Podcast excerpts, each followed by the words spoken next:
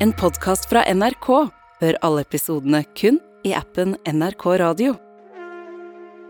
Historiebøkene er fulle av småkonger fra Trøndelag. Stormenn og jarler som har øyna muligheten til å utfordre makta. Nå lurer flere på om det samme er i ferd med å skje igjen. For bak et vaffeljern i Nidaros står en kontroversiell mann og kritiserer sin egen partileder, nemlig statsministeren. Trond Giskes lokallag har nå passert 2200 medlemmer. Giske mener partiledelsen har mistet kontakt med folks hverdag. Han er en veldig splittende og polariserende skikkelse i Arbeiderpartiet. Eh, og diskusjonen kommer til å være om han er en del av løsningen, eller om han er en del av problemet. Det, det brygger opp til en ny kamp. Jeg tror ikke dette er slutten, dette er begynnelsen på noe som kan bli ganske stygt. Hva er egentlig planen til Trond Giske? Hører på Oppdatert. Jeg heter Gry Baby. Samtidig som Arbeiderpartiet sliter med historisk lav oppslutning, så skjer det noe helt spesielt i et av partiets lokallag i Trondheim. Der strømmer medlemmene til, og på rekordtid så har det blitt Norges største, ikke bare i Arbeiderpartiet, men blant alle partier. Og grunnen til at dette lokallaget plutselig har blitt så populært, det handler mye om en fyr mange kjenner godt til fra før. Tone Sofie Aglen, du er politisk kommentator her i NRK.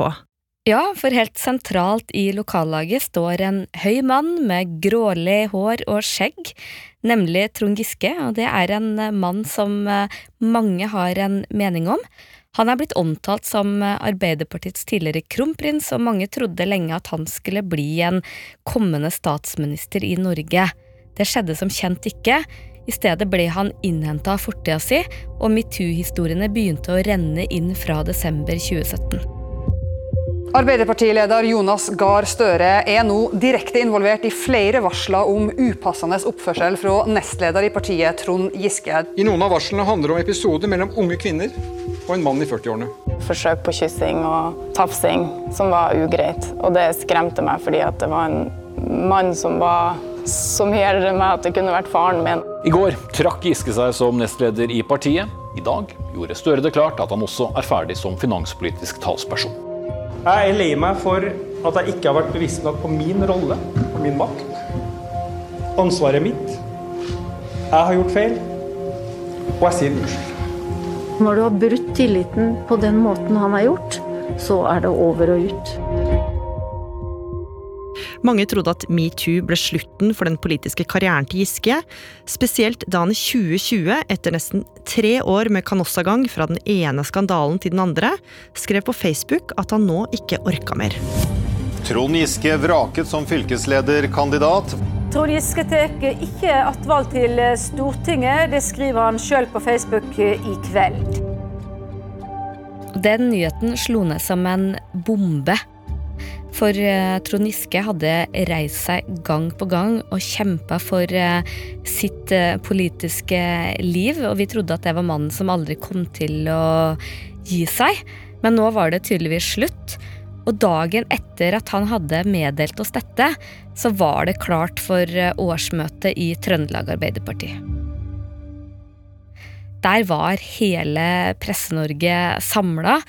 Alle venta jo på Trond Giske. Mange var spent på om han i det hele tatt uh, ville møte opp. Det var jo ikke unaturlig om han lå hjemme i fosterstilling. Det hadde vært uh, ganske tøffe runder. Men så kom han da gående inn der, overraskende rolig og blid. Å komme hit er som å komme hjem. Her er det masse mennesker med masse kjærlighet. og ja, Folk jeg har kjent i mange tiår, som jeg er glad i, og som er glad i meg. Så det er bare godt. Jeg husker det her som en veldig spesiell dag. Jeg hadde jobba med å kommentere skandalene rundt eh, Trond Giske i årevis. Og så kom Trond Giske bort til meg eh, i en eh, kaffepause, og jeg var jo litt så spent på om dette var en slagen mann. Og så sa han ja, hva skal du gjøre nå da, Tone Sofie? Du som er blitt Giske-ekspert, du kommer jo til å bli arbeidsledig. Og jeg syns jo det var litt sånn uh, fint å se at han hadde både humor og sjølironi, sjøl om det var en veldig emosjonell dag for han. Jeg skal klare meg godt. Og dere må klare dere godt. En ny og rettferdig politikk trengs mer enn noen gang. Vi har ingen tid å miste. Lykke til. Giske forlot et splitta parti. Selv om han hadde mange støttespillere fortsatt, så var det flere som kanskje var mest letta over at Arbeiderpartiet nå kunne få ro til å snakke om politikk, og ikke bare skandaler. Og ikke bare ble det roligere, partiet sikra seg altså regjeringsmakt. Kjære alle sammen. Vi har ventet, vi har håpet og jobbet så hardt. Og nå kan vi endelig si vi klarte det. I 2021 kunne partileder Jonas Gahr Støre endelig smykke seg med statsministertittelen, og prominente arbeiderpartipolitikere ble plassert i gjeve ministerposter, alt mens Trond Giske sto på sidelinja og fulgte det hele som alle oss andre. Men da den ferske regjeringa så vidt hadde rukket å bli varm i trøya og i ferd med å legge fram sitt første budsjettforslag, så skjedde det noe som gjorde at flere satte kaffen i halsen. For på Giskes Facebook-side dukka det opp en kort tekst, og med det var den avsatte kronprinsen tilbake. Og Trond Giske hadde åpenbart eh, lest statsbudsjettet, og han var eh, ikke fornøyd med det han hadde sett. Han mente bl.a. at Arbeiderpartiet svikta de som mista jobbene sine under korona, og det han skrev, falt i god jord hos mange. Han fikk vel 6400 eh, tomler opp, det var masse hjerter og 1000 kommentarer. Mange viste også sin støtte i kommentarfeltet og skrev at de savna Giske i norsk politikk. Men det skulle vise seg at de ikke trengte å savne Giske så mye lenger, for i et bitte lite lokallag i Trøndelag så hadde begynt å røre på seg. Laget het Nidaros Sosialdemokratiske Forum. De hadde gått fra 9 til 16 medlemmer bare i løpet av høsten 2021, og i slutten av november så samla de seg for å velge en ny leder. Og vi vet ikke så mye om det som skjedde der, for lokallaget var så lite at det gikk litt under radaren for eh, mediene. Men noe vet vi, at den nye lederen, det ble Giske. Og det at Giske tok et lite skritt tilbake til manesjen, gjorde at mange begynte å spekulere i hva han hadde planer om. Giske selv han svarte at målet til lokallaget var å få bidra til organisasjonsbygginga i partiet og sikre seier i kommunevalget i Trondheim i 2023. Og med de ordene så gikk han til verks. Ja, og nå kunne Giske starte med noe han er kjent for å være veldig god på, nemlig det å bygge organisasjon. Han gikk aktivt ut på sosiale medier for å verve nye medlemmer, og han klarte å identifisere noen saker som traff bra både i Trøndelag, men også i hjertet av Arbeiderpartiet. Det var saker som engasjerte, og lokallaget vokste raskt. Og Noe av det Giske gjorde, var at han ringte personlig til alle nye medlemmer. Han takka dem for å ha meldt seg inn, og så spurte han om hvilke saker de var opptatt av, og ville at han skulle kjempe for. Han arrangerte f.eks. sosiale kvelder hvor de diskuterte politikk, og var opptatt av at det her skulle være et hyggelig sted hvor man eh, spiste vafler og drakk kaffe og koste seg. Og det skulle vise seg at det han gjorde, fungerte. Det har vokst veldig fort, det her eh, lokallaget. Fra 16 medlemmer i desember til over 400 medlemmer nå. Tidligere Ap-nestleder Trond Giske leder nå det suverent største lokallaget i Arbeiderpartiet. På under ett år har lokallaget vokst fra 16 til flere enn 800 medlemmer. Og med stadig flere medlemmer i ryggen viste jo Giske snart at han interesserte seg for langt mer enn lokalpolitikk. Han tok rett og slett en, en slags rolle som regjeringen og Jonas Gahr Støres største kritiker. Det framsto som han posisjonerte seg som en slags talsperson for grasrota i Arbeiderpartiet. Når du kommer med ganske hard kritikk av, av, regjeringen som da ditt parti sitter i, er ikke det også ganske ja, illojalt, da? Nei, altså for det første så handler lojalitet om å være lojal til folk i Norge og dem vi representerer. Men så, i oktober, så skulle Giske gjøre noe som trolig ble oppfatta som ganske provoserende for flere sentralt i Arbeiderpartiet. Historiens eh, første Tran-Mæl-festival er i gang i Trondheim. I spissen står Trond Giske, som med sitt politiske prosjekt kjemper for at grasrota skal få mer makt i Arbeiderpartiet. Jeg tror det er blitt for lang avstand. Jeg tror når folk føler avmakt og kanskje litt sånn politikerforakt, så handler det ofte om at de syns at de ikke blir hørt. Poenget med festivalen var å peke ut en retning for Arbeiderpartiet, og Giske viste nok en gang at han hadde en egen evne til å finne de svake punktene i partiet og strø litt eh, salt i såret, for der diskuterte de blant annet eh, kraftpolitikken og Arbeiderpartiets eh, problemer, og det var ikke så enkelt for partiledelsen å vite hvordan de skulle håndtere den. Men festivalen den ble enda en suksess for Giskes nye politiske karriere, og medlemmene fortsatte å strømme til. Men på det tidspunktet her så begynte jo folk å legge merke til noe ganske underlig. For Nidaros sosialdemokratiske forum skilte seg ikke bare ut med at de hadde unormalt mange medlemmer, det var også et lokallag hvor langt fra alle faktisk sogna til Trondheim. Folk fra hele landet som hadde støtta Giske tidligere, og fortsatt gjorde det, de meldte seg inn. Og det var tydelig at det var han som var trekkplasteret. Men det resulterte jo i at folk fra alle kanter av landet fikk en mulighet til å stemme og ta avgjørelser om lokalpolitikken i Norges tredje største by. Og da starta altså debatten om dette her var et demokratisk problem.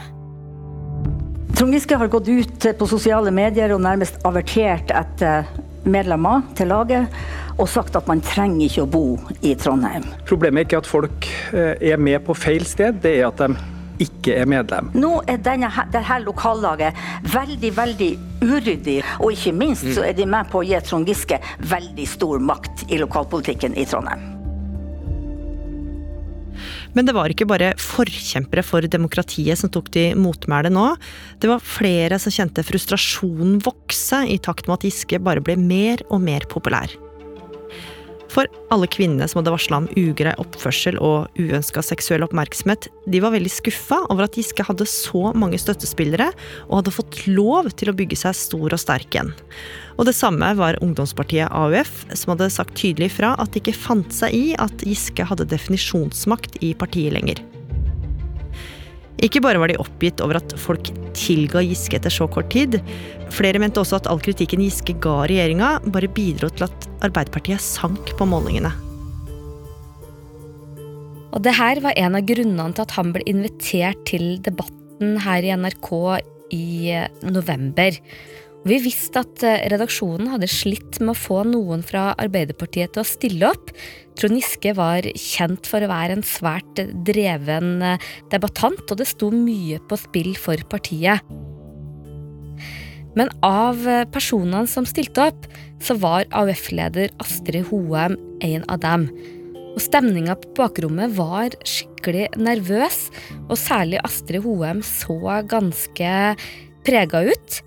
Og da sendinga starta, var det helt tydelig at vi andre i ringen vi ble bare statister til det som skulle utspille seg ikke uenig i noe av det Trond sier, men jeg mener bare at Trond også må anerkjenne at han er en del av problemet med at mange har syntes det har vært vanskelig å snakke om politikk de siste årene i Arbeiderpartiet. Jeg mener at vi trenger ro til å snakke om de politiske løsningene. Jeg mener at vi trenger mer venstresidepolitikk, men det mener jeg også at Ro det i er form andre. av at han bare forsvinner, da, eller hvordan skal det tolkes? Ro i form av at, eh, at man ikke hele tida konsekvent hakker mot ledelsen og bruker politikken som vi faktisk fører og kjemper for, som bistandspolitikk. Men men mener du at jeg ikke skal si fra om hva 1000 medlemmer mener om kutt i arbeidsløshetstrygd, om kutt i bistand, om at vi kutter til matsentraler? Skal vi, skal vi bare tie stille om det og si at nei, men det her går skikkelig bra, det her heier vi på? Vi må si fra når ting er gærent, men vi må faktisk ha et partidemokrati der medlemmer blir hørt, og der velgerne blir hørt, og der det dreier seg om deres Trond. hverdag. Jeg skulle bare gjerne sett at du var den venstresidelederen når du faktisk var nestleder i Arbeiderpartiet, og ikke på utsida når du også er med på å skade resten av partiet. Reaksjonene etter debatten var massiv, og den var delt. AUF-lederen fikk masse kritikk for å gå til personangrep på Giske, og noen kalte det til og med slag under beltestedet. Men hun fikk også masse støtte, og hun fikk ros av aviskommentatorer som kalte det et modig og viktig oppgjør. Og dagen etter fikk hun støtte fra sjefen sjøl, statsminister Jonas Gahr Støre, som tok kritikken mot Giske enda lenger. Jeg forstår det eh, Astrid Hoem sier på vegne av unge mennesker, men også mange andre Arbeiderpartier. Vi har en ganske vond sak bak oss, eh, og det er ikke noe poeng å glemme den. Altså, Trond Giske gikk av som nestleder. Han eh, stilte ikke videre opp som leder i Trøndelag pga. saker som handlet om hvordan man oppfører seg i Arbeiderpartiet. Det har satt sine spor. Men effekten ble kanskje ikke helt som Støre hadde sett for seg, for det skulle vise at veldig mange tok side med veteranen Giske, framfor å støtte den unge kvinnen fra ungdomspartiet.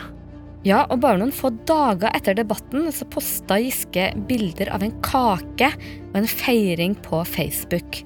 På kaka sto det 2000 Nidaros.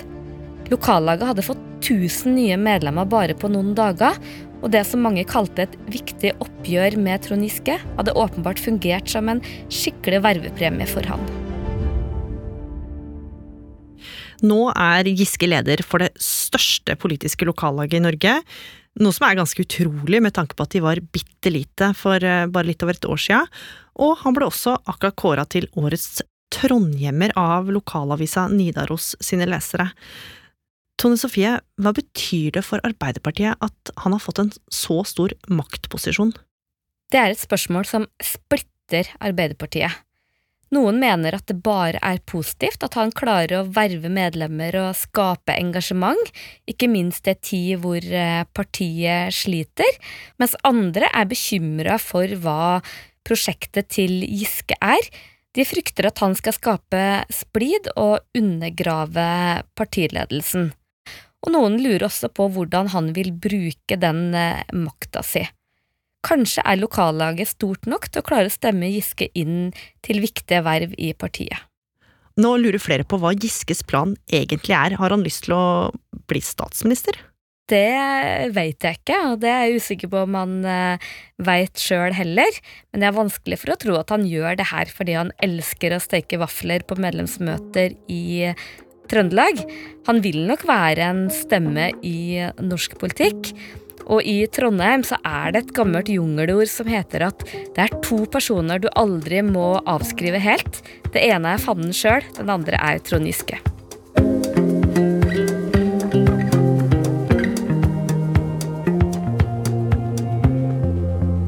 Oppdatert er en podkast fra NRK Nyheter, og denne episoden den ble laga av oss. Produsent Mari Reisjå. Lyddesign Espen Bjørlo Mellem. Vaktsjef Ina Swann. Og jeg heter Gry Veiby. Programredaktør er meg, Knut Magnus Berge. Klippene du har hørt, er fra NRK. Har du tips eller innspill, send oss en e-post, da. Adressen er oppdatert krøllalfa nrk.no. Og du, liker du det du hører, så må du gjerne tipse en venn om oss. En podkast fra NRK. Dette er jo en podkast med meg, Lars Berrum, og deg, Martin Beyer-Olsen. Ja, det stemmer. Der jeg prater egentlig veldig mye, og Ja, så det Stemmer det. Jeg har ikke hørt deg så mye i det siste. Nei, men nå er jeg oppe og nikker igjen. For Ja, jeg har fått noe hva har du å si, da? Nei, jeg tenker at uh, de filosofiske, endevendende, store tankene Og det mer banale. Da er podkasten Berrum og Beyer snakker om greier noe for deg. Det er i hvert fall vår mening. Bærum og Beyer snakker om greier hører du først i appen NRK Radio.